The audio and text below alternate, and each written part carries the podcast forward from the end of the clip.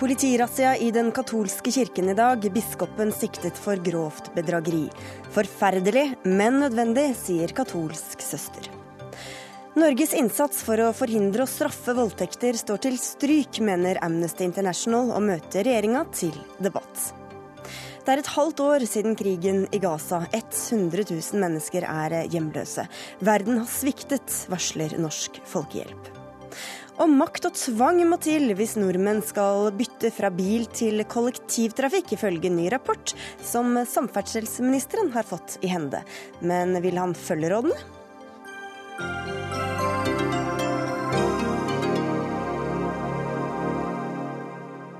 Dette er Dagsnytt 18 i NRK P2 og NRK2, hvor vi også får besøk av Geir Lippestad, som er blitt en klient fattigere, og av Rune Slagstad, som feirer 70-årsdag med en murstein av en bok. Jeg heter Sigrid Solund. Politirazziaen hos den katolske menigheten i Oslo i dag har så langt resultert i at biskop Bernt Eidsvig er siktet for grovt bedrageri pga. medlemsjuks. Kirken har mottatt offentlig støtte for rundt 5000 personer som de har registrert som medlemmer uten å spørre om lov. Bjørn Kristiansen, du er journalist i Dagbladet og har vært med på å rulle opp denne saken. Hva kan du si om det som har skjedd i dag? Det jeg kan si, er at uh, politiet aksjonerte i, uh, i dag etter en uh, etter en anmeldelse fra en som er ansatt i bispedømmet eh, for noen uker eh, siden. Eh, og de er så sikta for grovt bedrageri for 50 millioner kroner.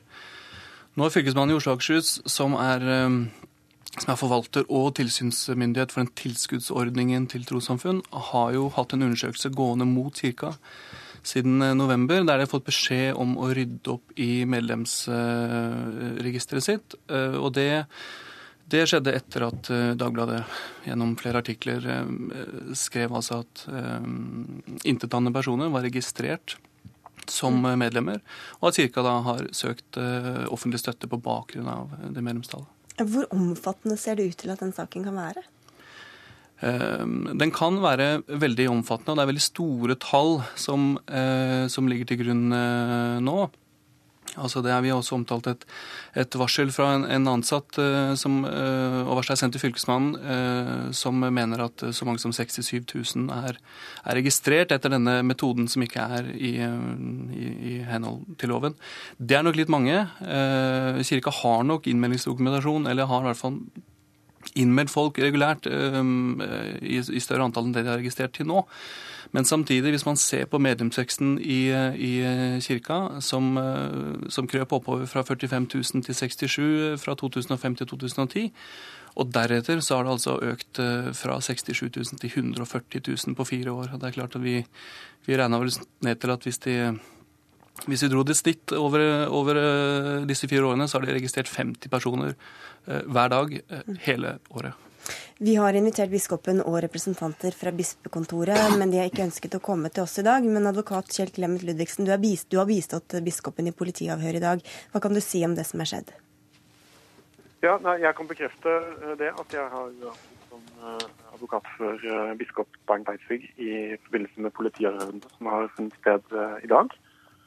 Og Det jeg også kan bekrefte, det er at biskopen har status uh, foreløpig som siktet uh, i saken. Det som har funnet sted i dag, er at biskopen har forklart seg grundig og detaljert over mange timer om, som, altså om, sin kjennskap til saken. Men når det gjelder nærmere om hva som har blitt forklart i dag, og om saken som sådan, så, så ønsker jeg ikke å kommentere det på nåværende tidspunkt. Vil du si noe om hvordan han stiller seg til siktelsen? Nei, det jeg kan si er at Biskopen er noe overrasket over at dette kommer nå, i forbindelse med, eller altså før uh, denne tilsynssaken som er innledet av fylkesmannen i Oslo og Akershus, er avsluttet. Og før bispedømmet har uh, kommet tilbake med de rapporteringer som, uh, som, de har fått pålegg om å gi. Men utover det så, så, er biskopens holdning at han vil gjøre sitt ytterste for å bistå politiet på alle mulige måter. For å få en rask og effektiv avklaring. Ja, For hva skjer videre nå?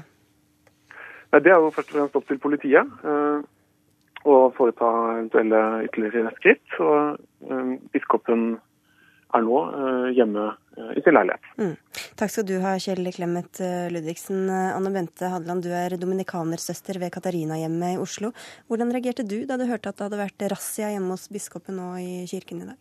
Ja, Jeg blir jo veldig opprørt, men samtidig så, så, ser jeg jo at dette er en nødvendig konsekvens av anmeldelsen.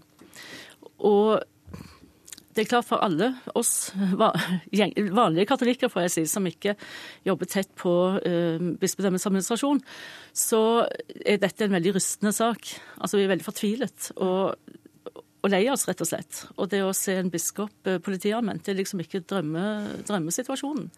Men når situasjonen er som den er, så må jeg jo si at jeg personlig syns det er bra at det er en ekstern instans som nå skal vurdere saksforholdene og fakta i saken. Hvordan tror du det kunne komme til dette? Det spør jeg meg om, jeg også. Eh, det er jo dokumentert, og biskopen har jo selv også innrømmet uh, offentlig, at han har kjent til saken mm. siden 2012. Og et møte i Bisperådet februar 2013, altså for to år siden nå, hvor man bestemte at den, denne type registrering skulle man slutte med, og så det, har det ikke skjedd. Eh, og det, det, er klart at det, det, er veldig uforståelig, og det er veldig skuffende. Samtidig som jeg tenker at hvis jeg nå skal legge inn et godt ord for biskopen, for jeg har sett et stor pris på ham, så vil jeg jo si at han har hatt et helt umenneskelig arbeidspress. Bestyrer to bispedømmer, og ett overtok han i en meget vanskelig situasjon. Um, og hvis du da må velge mellom pastorale oppgaver og administrative, så velger du de pastorale. Det hadde jeg også gjort, men eh, kan, forhåpentligvis ikke med så katastrofale konsekvenser. Ja, Pater Håvard Simon Nilsen, har du fortsatt tillit til biskopen? Ja, tillit til biskopen. Biskopen har, eh, har, eh, har et godt omdømme i den katolske kirke fortsatt, og det tror jeg han kommer til å ha uansett, faktisk. Mm. Eh, men eh, det har jo ikke tillit til de rutinene som har blitt brukt i denne saken. Det har jeg ikke. Og derfor så er jeg jo eh, glad for at det nå kommer til en, til en avklaring. Synd at det må ende opp i, på, på, på med sånne, så seint og med så store utfall. Altså. Men Han har jo benektet at han har gjort noe galt, men ut fra det dere sier, så kan det virke som om dere tror det er rot og ikke noe bevisst eh, manipulasjon eller innhenting av penger?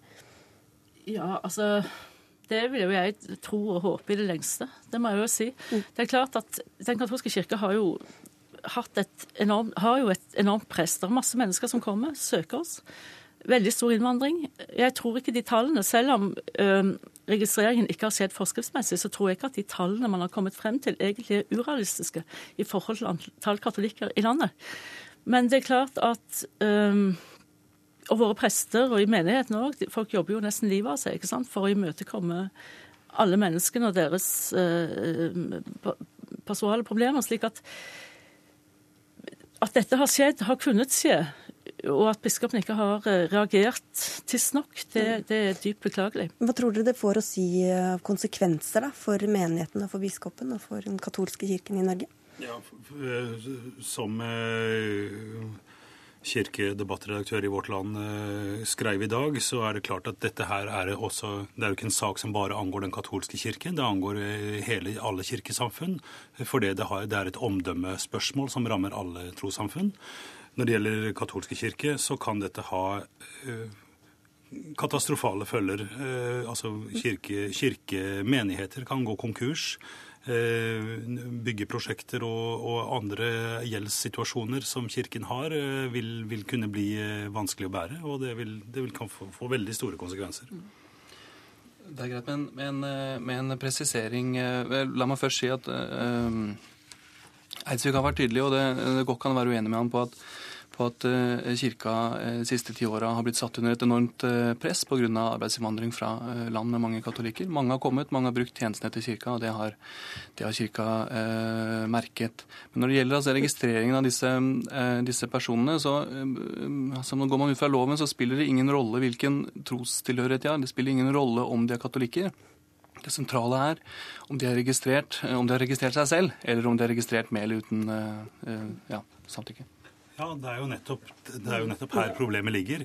I selve innmeldelsesprosedyren, som er feil. Så det, det, vi ser jo den. Og kan han fortsette enten han blir dømt eller ikke, tror du? Altså Blir han dømt, så kan jeg ikke skjønne at han kan fortsette. Eh, blir han ikke dømt, så man, er det jo fortsatt et tillitsspørsmål. Og tillit er noe som bygges opp langsomt, og som rives ned lett. Så uansett så har både han og vi en formidabel jobb foran oss. Ja, Tror du han kan fortsette? Ja, jeg kan bare støtte meg til det. Og, og, og ja, om jeg kan fortsette? Nei, ikke du! Dominikanere, dominikanere holder det gående. ja, vi får se hvordan det går. Tusen takk skal dere ha i hvert fall for at dere kom til Dagsnytt 18. Bjørn Kristiansen fra Dagbladet, Anne Bente Hadeland, eh, Håvard Simon Nilsen og også Kjell Ludvigsen som var med på telefon.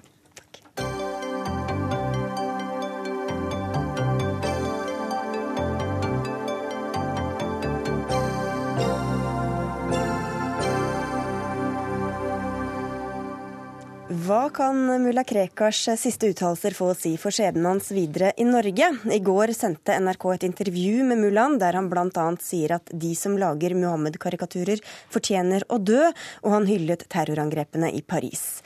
Nå vurderer politiet om kurderen fra Nord-Irak kan straffeforfølges for disse uttalelsene. Anine Kierulf, du er jurist og forsker ved Senter for menneskerettigheter, og du sier at noen av uttalelsene han kom med kan tolkes som oppfordring til drap. Hva tenker du på da? Ja, altså Vi har en bestemmelse i straffeloven som forbyr oppfordring til ulovlige handlinger. Eh, og det han sier denne gangen, eh, det er mer konkret enn det i hvert fall jeg har hørt før. Nå har ikke jeg full oversikt over alt det mulla Krekar har sagt, men, men eh, i denne gangen så sier han på spørsmål om hva som skal gjøres med en tegner som tegner Mohammed, og hvis ingen andre uskyldige kan bli drept, så sier han utslett, utslett. Så hvis det er riktig oversatt, så er det imperativ form, og det er en klar oppfordring. Og en oppfordring da om å utslette noen er jo en oppfordring til drap. Men i går satt advokaten hans Brynjar Meling her i Dagsnytt 18 og sa at uh, dette ikke var trusler om vold, men uh, Krekars egen tolkning om islam, og er da innenfor ytringsfriheten. Hvorfor holder ikke det, mener du? Nei, det, det å drive teksteksegese i, i, religiøs kontekst, det kan man selvfølgelig straffrett gjøre, også om det omhandler voldelige tekststykker. Men dette må høres i en kontekst hvor det fremgår ganske klart at han ikke bare driver eksegese. Like etter dette utslett-utsagnet så sier han jo på generelt grunnlag at de som vanærer mer enn 30% av jordens befolkning, fortjener ikke å leve, har ikke rett til å leve. Det er mulig dette denne prosentangivelsen står i Koranen. Jeg er ikke teolog og kan ikke noe om dette, men det ville overraske meg om det var noe annet enn et mer generelt eh, samfunnsutsagn eh, av samfunnsmoralsk, eh, om enn forkvaklet art, og da ikke ren tekstutlegning. sånn at dette, i den konteksten det blir sagt, og fra den personen som her sier det, så er dette mer nærliggende å regne som en oppfordring. Han sa også det kom en hyllest av terroristen i Paris som sto bak angrepet på Charlie Hebdo og den jødiske korserbutikken. Hvordan hvordan ser du på de ytringene? Det er litt annerledes, for det er forherligelse av en handling som allerede har funnet sted. Det vi forbyr, eh, det er oppfordringer til handlinger i fremtiden. Altså, det er uansett den som utfører handlingen som er ansvarlig for den, men direkte oppfordringer er også forbudt fordi de så lett kan føre til handlinger.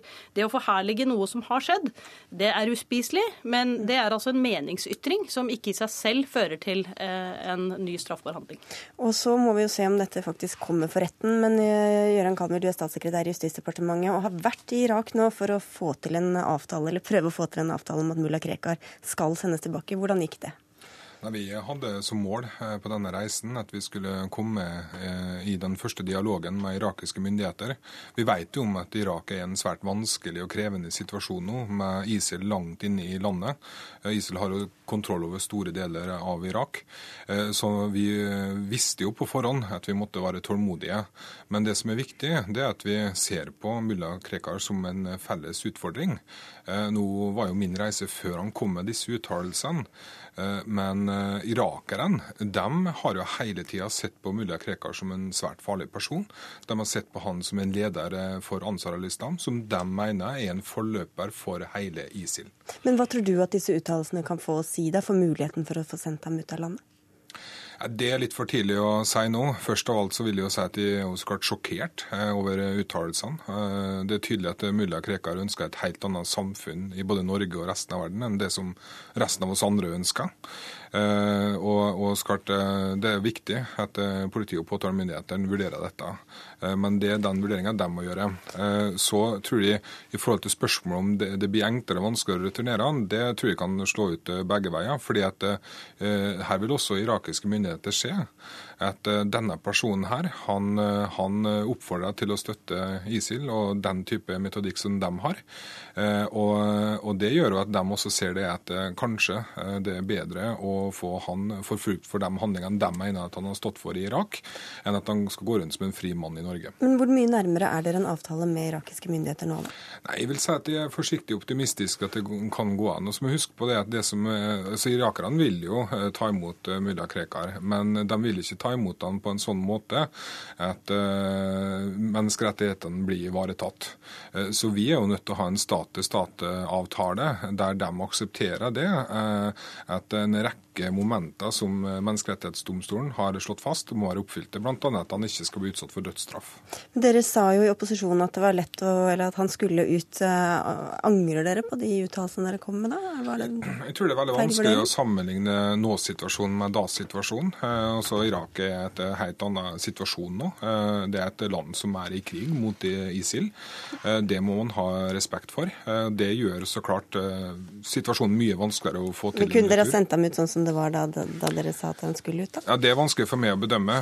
Som sagt, i kontakt med irakiske myndigheter nå. Og den tilbakemeldingen jeg får nå, det er at vi må også ha forståelse for at Irak er i en svært vanskelig situasjon med ISIL langt inn i landet. Men hva gjør dere nå da for å få til en avtale? Nei, nå, nå, går vi gjennom eh, de vurderingene vi skal ta, eh, for å se på hva slags type løsninger vi kan tenke oss. Og en løsning for Norge vil jo alltid innebære at vi skal følge menneskerettighetene.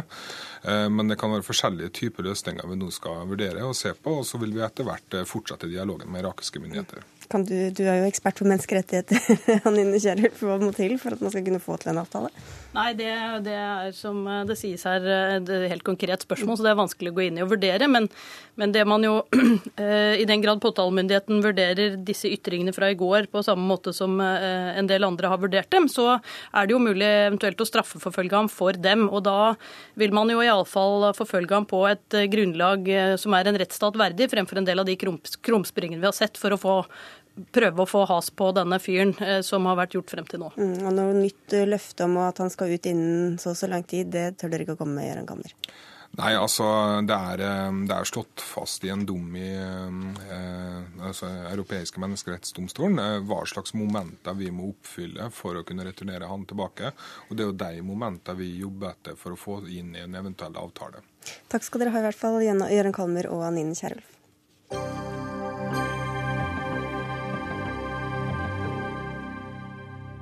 For et halvt år siden i dag var det slutt på krigen i Gaza. Da den siste bomben falt sent i august, hadde omtrent 2200 palestinere blitt eh, drept, blant dem flere enn 500 barn. 71 mennesker mistet livet på israelsk side.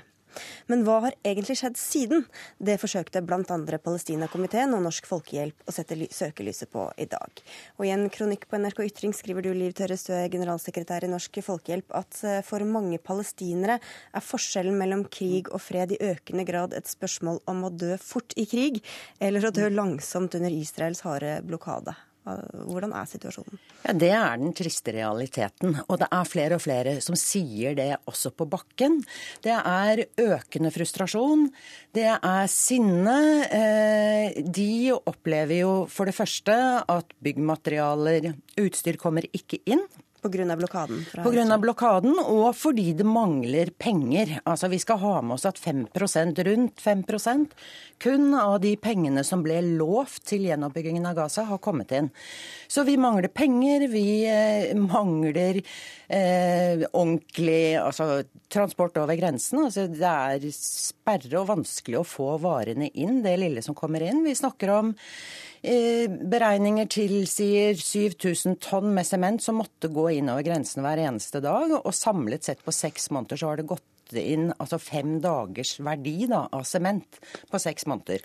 Hvordan lever de sivile palestinerne da nå i De lever på toppen av ruiner av deres egne hus. Eh, de lever med plastikk over taket. Vi snakker om en situasjon hvor fem barn døde av kulde i januar alene. Vi snakker om desperate forhold. Det var ille før krigen. Det ble forferdelig med krigen, som ble avsluttet for seks måneder siden. Og nå er det helt, helt forferdelig. Ubeskrivelig. Og hva har det internasjonale samfunnet gjort for å få bygget opp eh, Gaza igjen, med tanke på hva de lovte etter krigen var ferdig?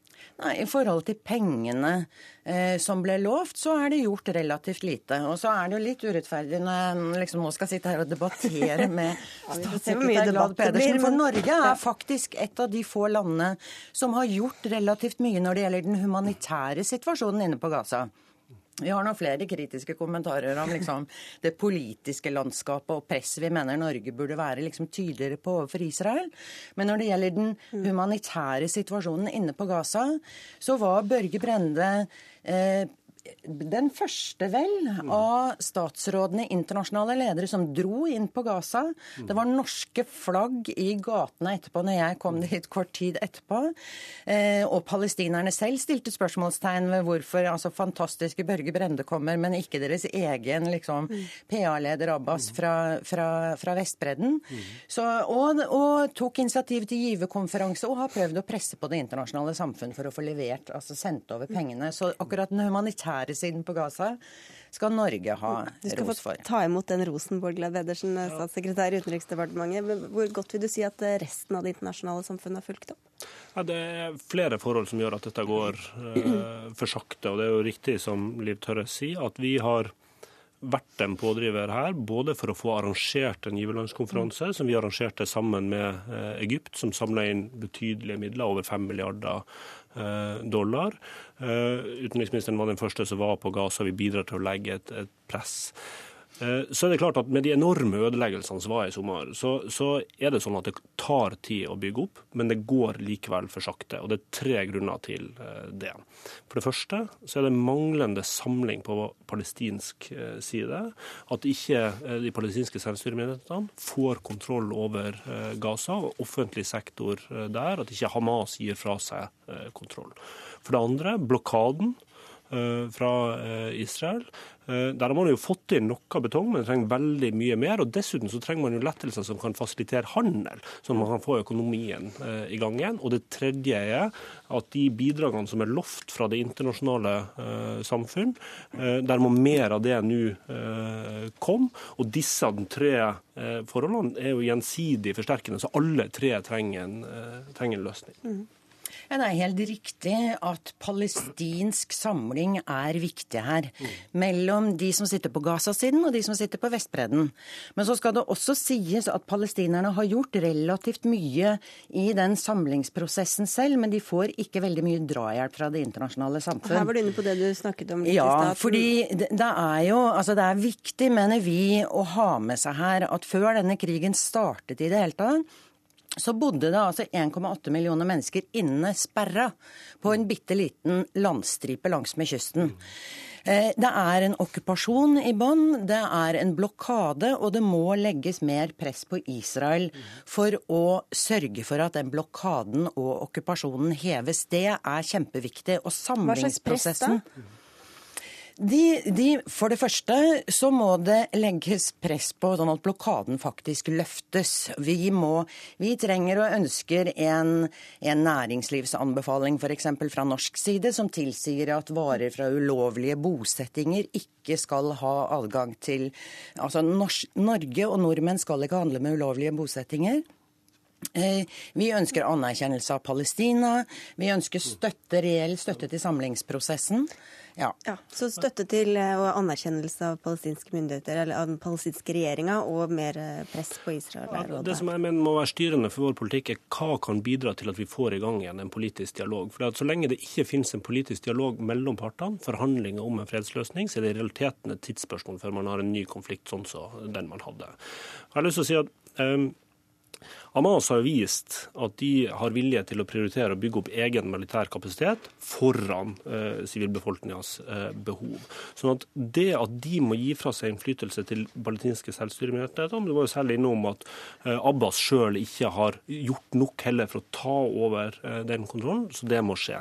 Og Det henger jo sammen med spørsmålet om blokaden, for blokaden er definitivt en del av problemet. Lettelser i blokaden er helt nødvendig, både for den akutte gjenoppbygginga, men ikke minst for å skape grunnlag for en bedre fremtid på Gaza som kan skape uh, forhandlinger. Men det må jo kombineres med at Israel har trygghet for at ikke hjelpa går til å bygge opp militær kapasitet, og det trenger vi også som giversamfunn. Så her er det spørsmål om et ytre press, men det er også spørsmål om at partene sjøl, både palestinerne og Israel, gjør det som er nødvendig for å få gjenoppbygging og for å skape grunnlag for dialogen. Jo, men, men altså, jeg er jo helt enig i at vi må se på hva det er som fungerer best for å få fredsforhandlingene mm. på spor igjen, og dialogen på spor. Men, men, det er jo helt tydelig at det man gjør opp til nå, funker i hvert fall ikke. fordi at de fredsforhandlingene er ikke veldig effektive, for å si det sånn, mellom palestinsk side og Israel. Og det er en realitet at det er folkerettsstridig okkupasjon og blokade. Og du er jo også helt enig i at det ikke er verken riktig å stenge en befolkning på 1,8 millioner mennesker inne. Og det er også, det utgjør også en sikkerhetsrisiko for, for, for nabolandene og for Israel og hele regionen. Mm. Dette er en lus-lus. Men hva kunne, hva kunne, skjedd? Hva kunne være negative konsekvenser av at dere hadde politiske samtaler eh, med, med Hamas? Nei, altså vi, vi, må bidra til å legge et press på, på alle parter. Nå har vi valgt å ikke ha en dialog på politisk nivå med Hamas, men vi har dialog på embetsnivå med, med Hamas for å legge press på også dem. Uh, utenriksministeren er jo nå i Washington, altså, ja, klokka akkurat nå i samtaler med Kerry, bl.a. for å diskutere gjenoppbygging av Gaza og, og, og, Midtøsten. Nå er det valg i Israel om uh, noen få uker, så det er ikke realistisk å få i gang med å etter det valget så er det helt avgjørende at partene velger å gå i dialogen. For alternativet til det er en ny krig. Og det vi så sist, var jo at fra sammenbruddet av den dialogen til krigen oppsto, var bare et spørsmål om uker. Ja, altså Det er helt riktig at vi trenger palestinsk samling, og partene må gå i dialog. Men vi må ha med oss at det er en blokade og en okkupasjon ja, i bånn som er det grunnleggende problemet her. Ja, men Jeg sier, jeg sier jo også det, så, men, men, det er ikke bare et spørsmål om hva Israel mener. Det er definitivt spørsmål om det. Det er en ulykke at de nå holder tilbake skattepenger eh, til palestinske myndigheter, for det undergraver deres mulighet til å ta kontroll. Det må vi ja. si til dem, vi må legge press på dem. Vi må Fantastisk. også gjøre det på, det på de palestinske eh, myndighetene, for begge to må faktisk nå bidra bidra for å uh, få til en fredsprosess. og Det forutsetter jo også en samling på palestinsk side. Og så er det altså valg i Israel som dere var inne på nå eh, snart eh, i mars. Så får vi se mm. hvordan det påvirker situasjonen og vice versa. Takk skal dere ha for at dere kom til Dagsnytt 18.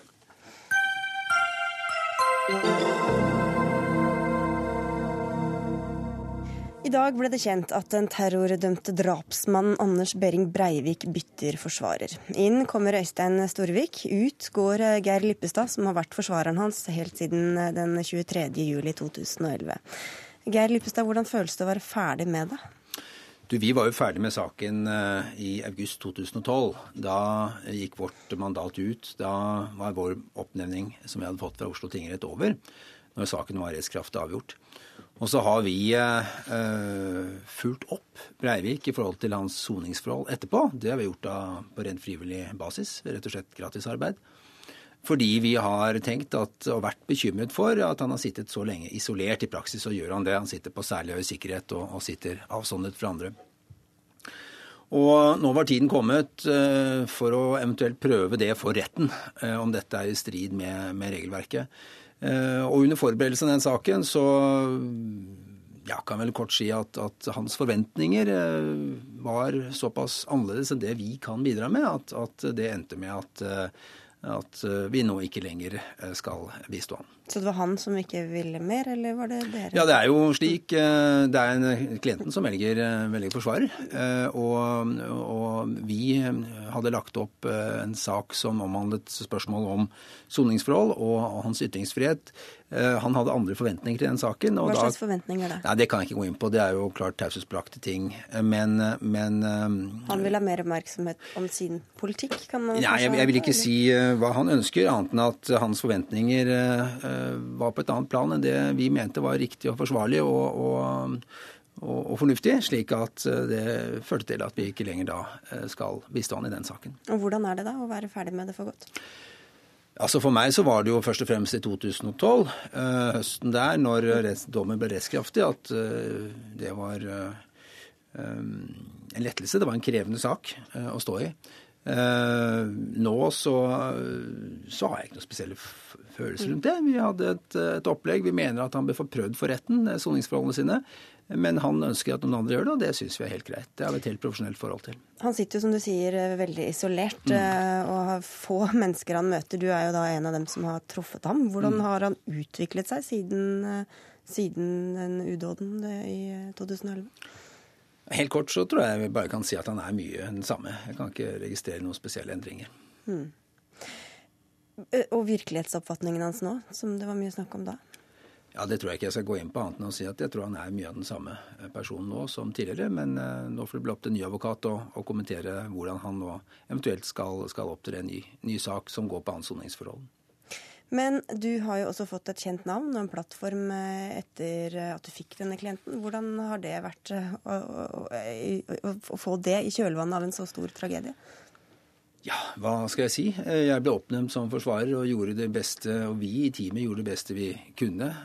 Vi tok jo ikke den saken for å bli kjent eller populære. Vi trodde vel når vi så ja til den saken at vi skulle bli akkurat motsatt.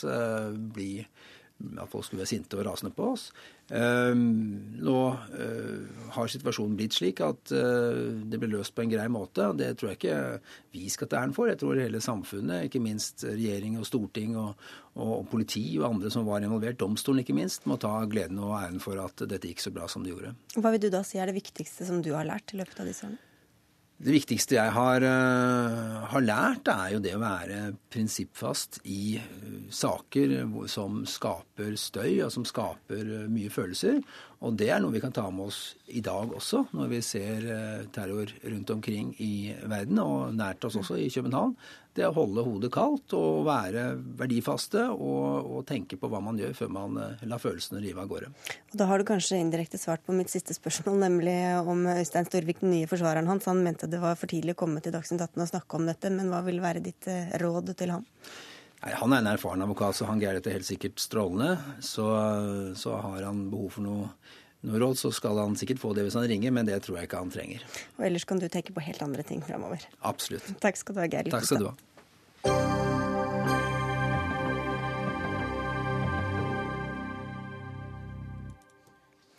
Norges innsats for å forhindre og straffe voldtekter står til stryk, mener Amnesty International. I går la organisasjonen fram årsrapporten sin, og der får Norge kritikk for at voldtektsforbrytere som regel går fri. Jon Peder Egnes, du er generalsekretær i Amnesty Norge. Hvorfor er det grunnlag for å si det, at voldtektsforbrytere går fri? Ja, Det er grunnlag for å si det fordi at omfanget av voldtekter som forekommer i Norge, satt opp mot antall anmeldelser, etterforskninger og domfellelser, der er gapet enormt stort. Ehm, det, er, det ble gjennomført en omfangsundersøkelse i fjor eh, hvor én av ti kvinner eh, i Norge oppgir at de har blitt voldtatt. Dette er altså et representativt utvalg. da. Én eh, av ti av de igjen anmeldte forholdet. Og av de forholdene som ble anmeldt, så var det åtte av ti som ble henlagt. Um, og det viser jo at vi har et kjempestort problem. Altså, det er enormt mange kvinner som har blitt voldtatt, og vi må anta at det er veldig mange kvinner som kommer til å bli voldtatt i framtiden. Og vi gjør ikke nok Eh, på mange områder. Det handler ikke bare om politiets arbeid eller domstolenes arbeid. Det, det handler om mange tiltak som må settes i gang for å bekjempe dette problemet. Ja, for det er jo, altså Selve situasjonsbeskrivelsen er vel de fleste enig i. Men så er det ofte vanskelige saker. Det er ord mot ord, kanskje få beviser. Hvordan skal dere få flere ja, dømt? Selv altså Statsadvokaten i Oslo sa jo for to år siden at, at, politiet var for dårlig til å etterforske. Og vi har jo etter hvert fått mange eksempler på at politiet kommer seint i gang. Det tar lang tid før de eh, intervjuer ofre, det tar lang tid før de avhører mistenkte gjerningsmenn. De sikrer ikke ikke fysiske bevis, og det er jo veldig også avhengig av geografien. altså Er det et, et voldtektsmottak i nærheten som er døgnåpent, hvor det er lett å få gjort de, de tingene man trenger å få gjort for å sikre eh, tekniske spor osv. Så, videre. så det er mange ting i den prosessen som er viktig. Um, og, og, og, det handler jo også litt om, tror jeg, at, og vi hører politifolk si det, at, at voldtektssaker er så vanskelige til en viss grad at, at de er, måte, har ikke så stor prestisje. For, for, sannsynligheten for å få komme til en, fram til en tiltale og en eventuell domsfellelse er så liten at politiet kanskje ikke måte, tar tak i det. Mm. Uh, og, og, vi skal da være klar over at uh, Nå var det riktignok den forrige justisministeren, men det er jo på en måte et, et, en en eh, forbrytelse som de fleste i Norge liksom setter hakket under drap. Det er, det er ikke liksom smånasking eller tjuveri, det er liksom noe av det verste et menneske kan oppleve. Og, og da må vi ta det med, med større alvor. Og, og, vi har snakket om dette i, i mange år nå. og, og det det er en, noen positive utviklingstrekk. Vi har hatt flere voldtektsmottak.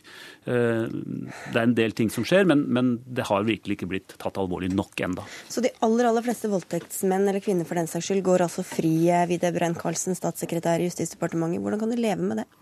Nei, eh, det, det, er vanskelig å leve med den situasjonen som gjelder eh, for voldtekt. og eh, Store deler av situasjonsbeskrivelsen til Egnes kan man slutte seg til. Det her kjenner vi til. Og, og du, var inne på det, programleder, at det er vanskelige saker. Det er jo en del av forklaringen, men, men det er klart her er det mye mer vi kan gjøre. Og vi må innse at vi ikke har på langt nær kommet i mål med, med hvordan denne typen saker skal, skal, behandles. Hvis det er også manglende prestisje, det er jo, vet jo ikke hva politiet vil si til det, da, men uh, i politiet for å etterforske sånne saker, det går for treigt, det, det, kommer ikke fort nok i gang. Hva slags press legger dere på politiet? Ja, vi legger ganske mye press på det. Altså, det jeg er enig i, i alvorsbeskrivelsen her. Det her er alvorlig kriminalitet, og det skal eh, behandles med det alvor som sånn type kriminalitet fortjener.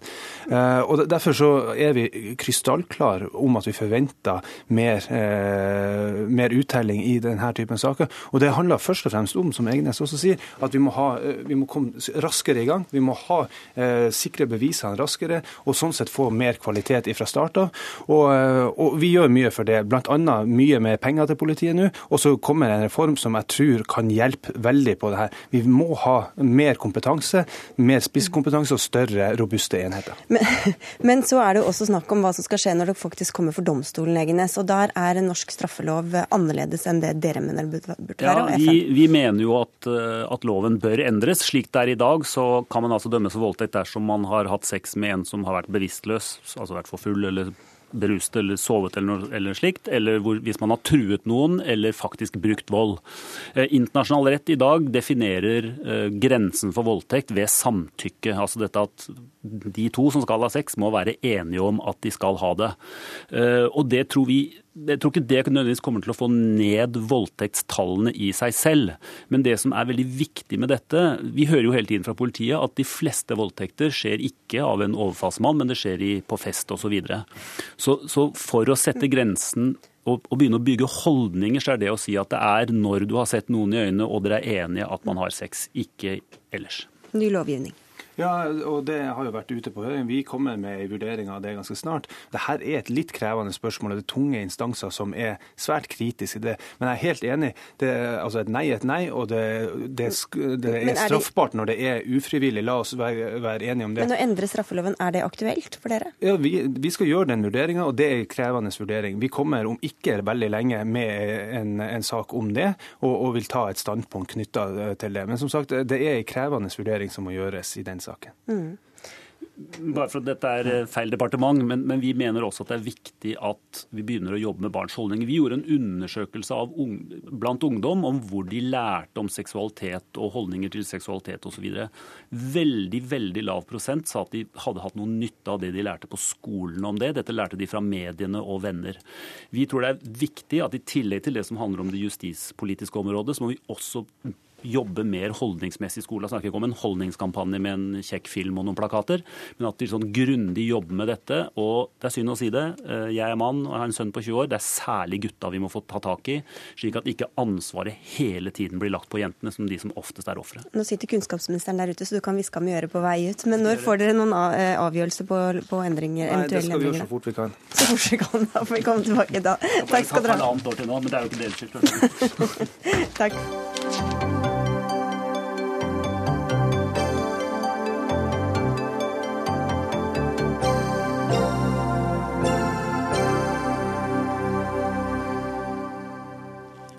Nesten 1000 sider med krangling, spissformuleringer, diskusjoner og analyser. Slik markeres det at Rune Slagstad nettopp har fylt 70 år. Boka 'Tilløp til offentlighet' ble lansert i dag. Den inneholdt Slagstads offentlige debatter de siste ti årene, med innlegg og motinnlegg fra bl.a. Jonas Gahr Støre, Kristin Clemet, Asle Toje, Jon Elster osv. osv. Gratulerer først da, Rune Slagstad. Mange takk. Din siste utgivelse har mange sider. Jeg ser du har med deg enda flere her. Ja. Mange debatter, mange meninger om alt fra helsesektoren, rettsapparatet, norsk politikk til arkitektur, Munch, Nietzsche.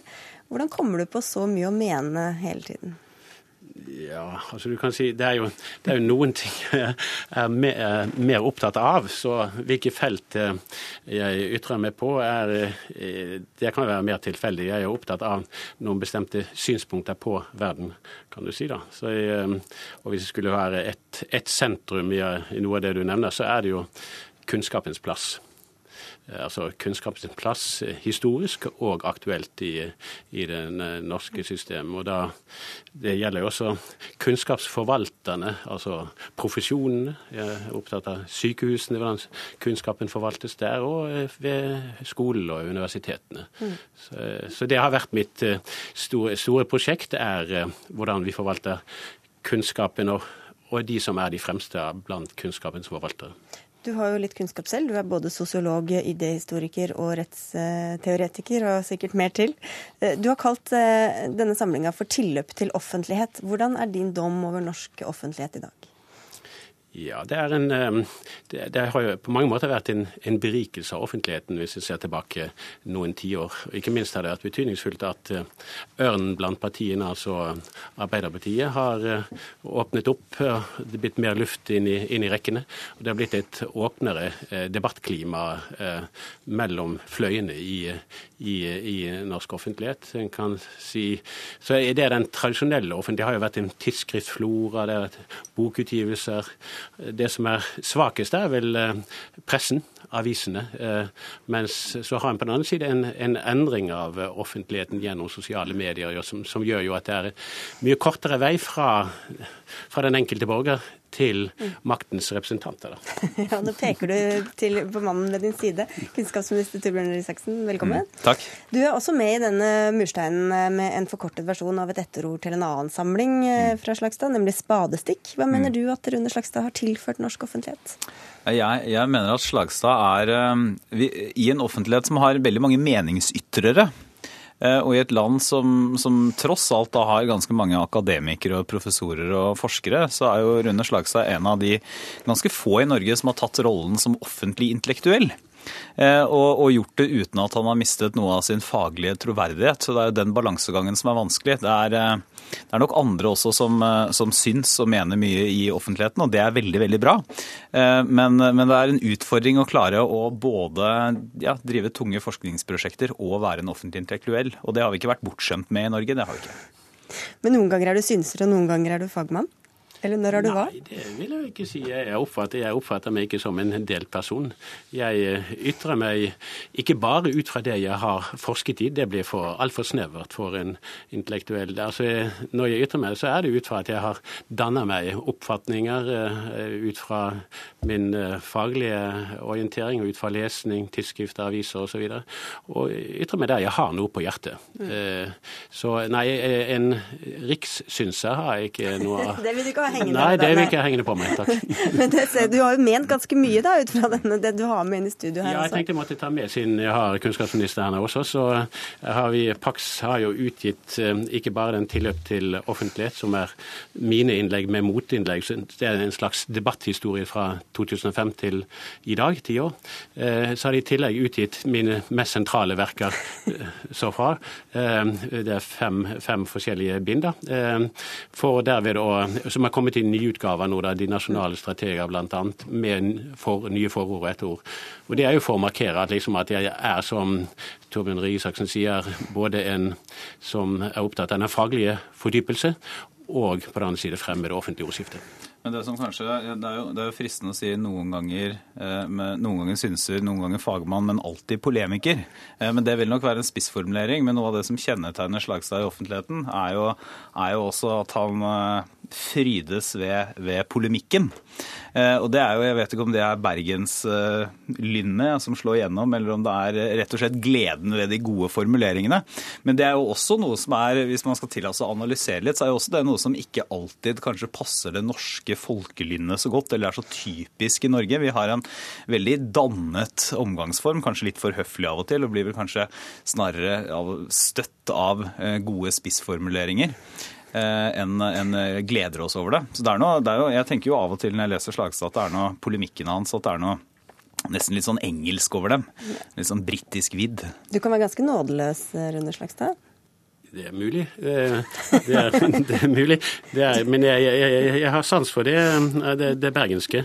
Det er, det er, jo noe altså i, i, Bergen så er jo liksom Det er på mange måter en lettelse å, å komme til Bergen. Jeg syns jo det er fint å komme fra Bergen, og det er fint å dra derfra. Det er fint, jeg foretrekker i grunnen å være bergenser i Oslo, men å komme på besøk i Bergen syns jeg er strålende. Og det du lærer i Bergen, er liksom å snakke i motvind. Og det, det, gjør jo at liksom, når du kommer hit på det flate Østland, så tar jo folk det du sier absolutt like alvorlig, alt du sier. Når du kjefter og smeller litt. Men jeg er vant ved fra Bergen at du kjefter og smeller, så er det over etter kort tid.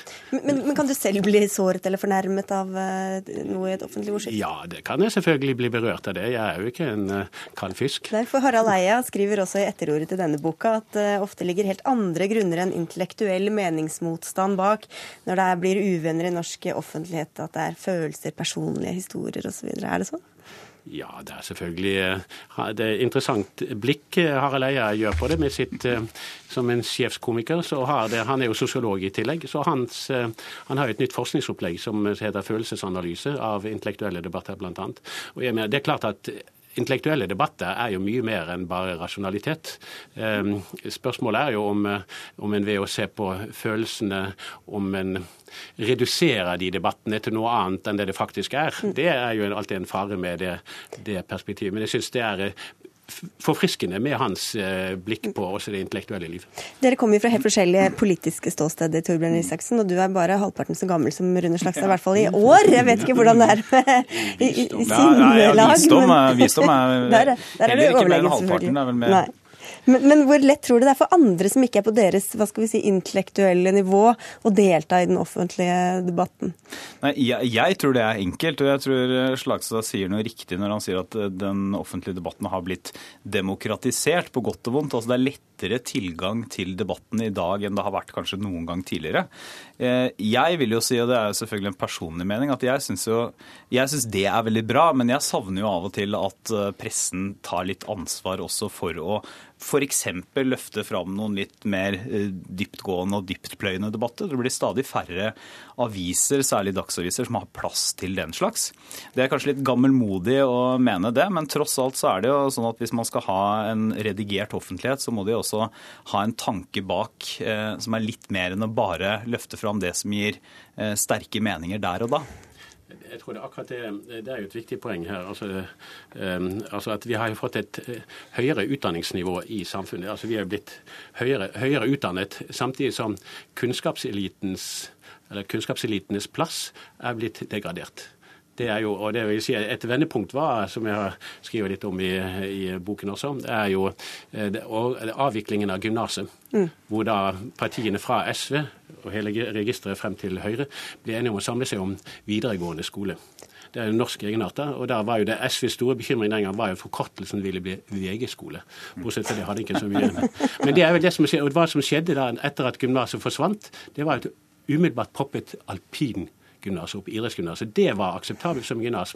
Så en sportseliten den har en legitimitet, men ikke kunnskapseliten. Og her er dere vel helt enige, tror jeg. Det, er, det er vi nok enige om, men jeg syns også dette her vitner litt om noe av det jeg skrev i, i etterordet til den uh, samlingen som het Spadestikk, at Rune Slagstad er også vanskelig å plassere. Så han har jo sin partipolitiske bakgrunn fra SV, er en sosialist på mange måter, men også fordi han er en kunnskapselitist, så har han også sterke verdikonservative anstrøk, og er jo samtidig da en av de fremste forsvarerne av de liberale rettsstatstankene i den norske offentlighet. Det gjør ham jo ganske spennende, da. Og nå må du hjem og lese. nå må jeg hjem og lese. takk skal dere ha. Vær så god. Ja. Tusen takk. Betydelig overrekkelse. Og gratulerer igjen. Takk skal dere ha for at dere var med. Takk. Makt og tvang må til hvis eh, nordmenn skal bytte fra bil til kollektivtransport. Det går fram av en rapport som samferdselsministeren har fått på bordet sitt. I rapporten foreslås det rushtidsavgifter som virkelig svir, og sterkt begrensede parkeringsmuligheter i de største byene, bl.a. Samferdselsminister Ketil Solvik-Olsen, hvordan stiller du deg til disse konklusjonene og forslagene? Nei, Til akkurat de som du nevnte nå, så er jo ikke det noe jeg som Frp-er eh, syns er veldig eh, bra. Og denne regjeringen har sagt at vi skal ha mer vei, vi skal bygge mer jernbane, men vi skal ha en lavere bompengeandel. og Det er vi i gang med å gjennomføre.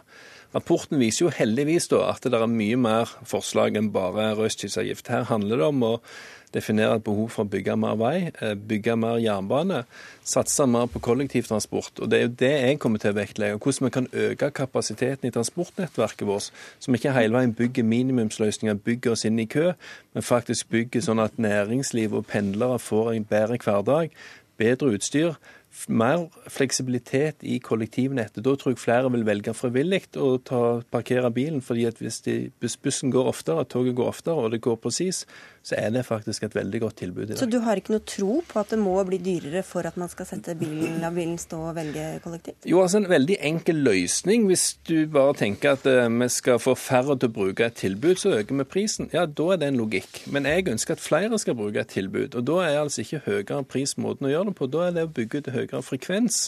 Eh, større kapasitet, måten du må gjøre det på. Jeg mener vi må investere mer i infrastruktur, og ikke bare prise vekk de fattigste blant oss fra. Elisabeth Enger, du er direktør i Jernbaneverket, og du har ledet dette utvalget der altså Statens vegvesen, Jernbaneverket, Kystverket og Avinor har sett på framtidas transportsystem. Hvorfor mener dere at eh, bl.a.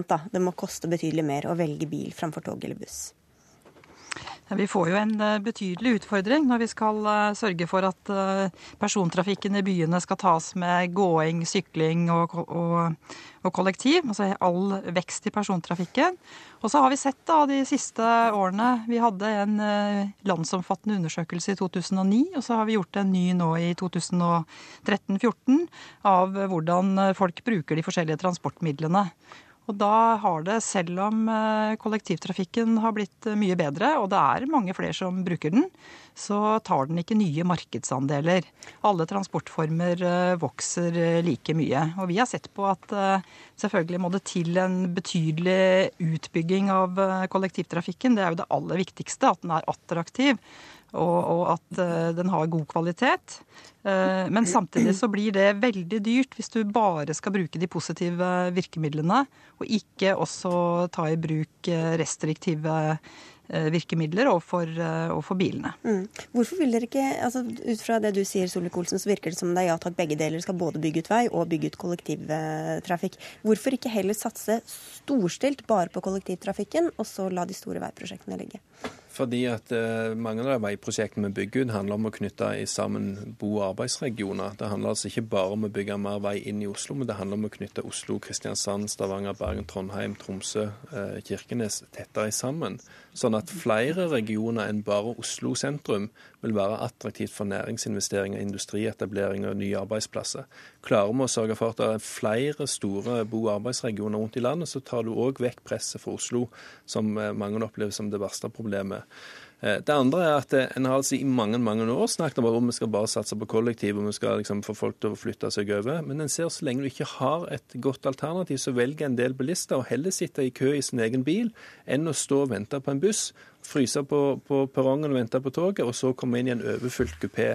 Og Derfor må vi ha begge deler. Men det som, det som eh, etatene våre foreslår, er likevel en idé med tanke på at kan vi ikke heller prøve å redusere prisene utenom rushtida, og så få en del av de som har fleksibilitet, til å velge andre reisetider. Når du hele veien sier at du skal øke prisene i rushtid, så er det mange som har en type jobb der du ikke kan uh, plutselig være fleksibel. For det jobben din er men, Jobber du på sykehuset, skal du være på skiftet ditt klokka åtte. Det varer til klokka fire. Men bare positive virkemidler, det blir veldig dyrt, sier Elisabeth Enger. Det, blir, eh, det, koster penger, det òg. Men poenget er at det koster penger når biler står i kø. Eh, vi ser allerede i dag at eh, en del av de køene som er inne i Oslo, de forsvinner ikke bare fordi om du bygger ut mer buss. Du må òg få vekk de køene som allerede finnes, fordi at bussene står ofte i de samme køene som bilene. Willy Fransen, du er leder av Pendlerforeningen på Østfoldbanen. Og selv om du er togpendler, så er ikke du heller så begeistret for at det er bilistene som skal ta regninga her? Jeg henger meg opp i to ord og, og, og vendinger som brukes her. Det ene er veldig dyrt. Og det andre er jo at uh, man, man, tenker at man skal få mennesker over på kollektivt. Vet du hva? I, i, i bunn og grunn så er det vel ingen som sitter for moro skyld i bilene om morgenen og skal til arbeid. Hvis de kan unngå rushtiden, så gjør man jo det så best så godt man kan. Det er helt sikkert.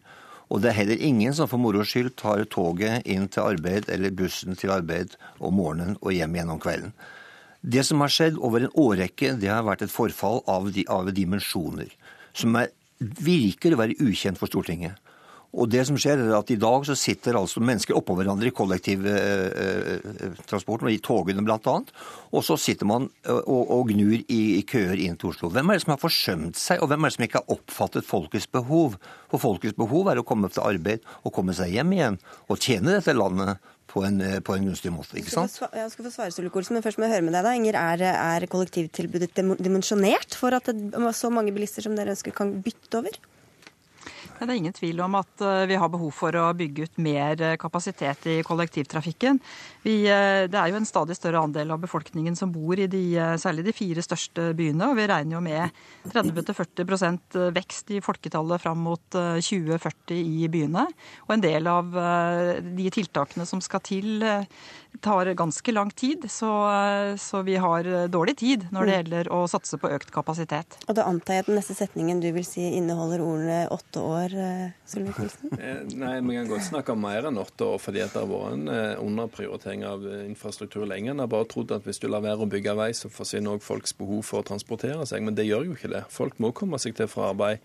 Men det dere legger opp til nå, da, vil det ta over altså Legger dere opp til en sånn kollektivutbygging at så mange mennesker som det er snakk om nå, kan bytte over til, til tog? Ja, i hvert fall en større andel av den, men vi ligger langt på etterskudd etter mange år. og Derfor er det viktig at vi får et skikkelig løft. og Derfor har vi i budsjettet for 2015 bevilga så mye penger at vi for første gang på mange tiår tar inn vedlikeholdsetterslep på vei istedenfor å øke det. Det samme på jernbane. Vi kjøper langt flere eh, tog enn planlagt.